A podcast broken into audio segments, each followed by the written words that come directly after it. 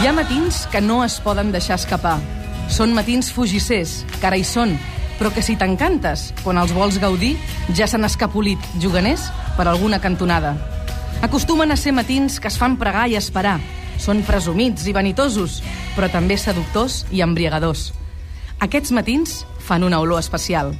És l'olor del llibre vell i de rosa nova. És l'olor d'un no sé què és, però ho vull compartir. És l'olor d'uns colors que se'ns colen dins la pell i se'ns barregen amb la nostra sang. És voler sortir a fer un vol com si avui fos l'últim dia i passejar del bracet somrient a altres que, com tu, no tenen prou sentits per copsar-ho tot plegat. Avui és un d'aquests matins. Matins fàcils, on les coses que ens apropen són moltes més que les que ens separen. Matins màgics que els tenim a tocar i només hem de gosar. Ni que sigui un minut, un segon o un instant, feu d'aquest matí un matí que no es pugui deixar escapar. Nosaltres ho farem. Paraula.